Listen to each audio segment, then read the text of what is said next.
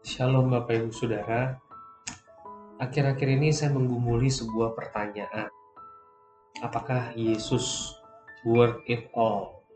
Apakah saya men-treasure Jesus above anything? Apakah saya menghargai Yesus lebih daripada segalanya?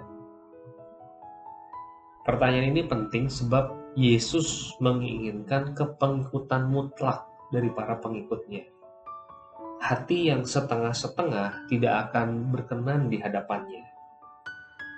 Sampai akhirnya saya tiba pada ayat ini.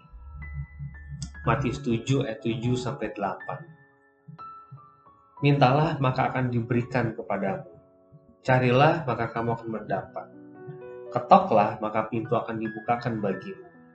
Karena setiap orang yang meminta menerima dan setiap orang yang mencari mendapat dan setiap orang yang mengetok baginya pintu dibukakan. Kita tidak berdoa atau meminta kepada Yesus karena kita anggap itu tidak penting. Yang saya maksud dengan itu adalah Yesus Kristus itu sendiri.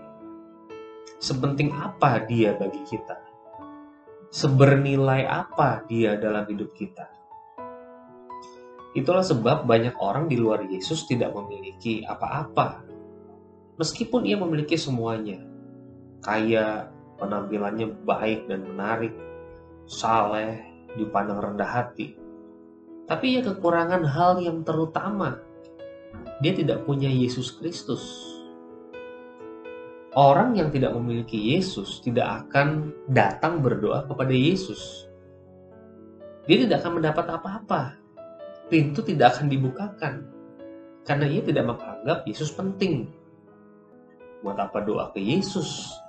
Buat apa doa? Emang penting? Kenapa Yesus mengatakan hal ini? Bukan supaya kita langsung tutup mata doa. Tuhan Yesus, saya minta ini, saya minta itu. Bukan. Tapi Yesus mau kita sadar betapa signifikannya berelasi dengan Yesus.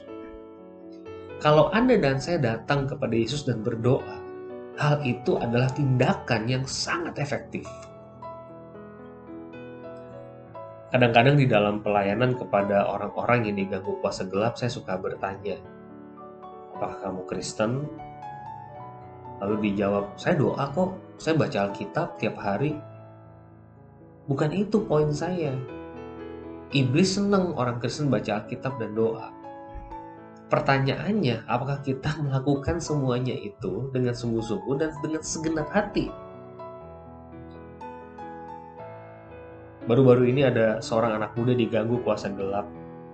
Orang tuanya membawa kepada seorang akong yang sudah tua dan mendoakannya. Akong itu berkata, Tadi di rumah sering-sering baca Alkitab dan doa ya, sesuai agama masing-masing aja. Saudara, apakah baca Alkitab dan doa membuat setan itu pergi? Kekristenan adalah sebuah kepercayaan yang diladaskan di dalam cinta. Tanpa cinta kepada Yesus, maka kita tidak akan pernah meminta dan mengetuk. Kalaupun kita meminta dan mengetok, maka cinta itu adalah cinta ada udang di balik bakwan kita datang kepada Yesus ada maunya. Kita tidak ikhlas dalam doa-doa kita. Orang seperti ini tidak akan mendapat apa-apa karena doa kita dipenuhi oleh hawa nafsu. Kalau kita sungguh mengenal Tuhan dan mengasihinya, kita juga tidak akan minta hal yang bukan-bukan. Apa yang kita minta adalah hal yang Tuhan sukai, dan Tuhan akan menjawab doa-doa kita. Jadi pertanyaannya, apakah kita intim dengan Yesus?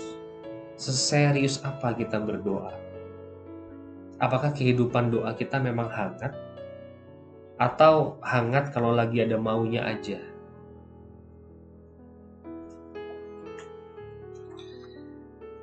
Kami datang kepadamu ya Tuhan meminta dan mengetuk.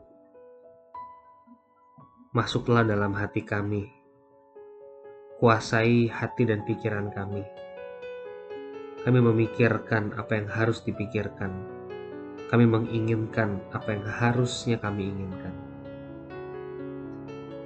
Kami rindu ya Tuhan terjadi transformasi dalam hati kami. Engkau kiranya bekerja dalam hati kami. Dalam namamu Yesus kami berdoa. Amin.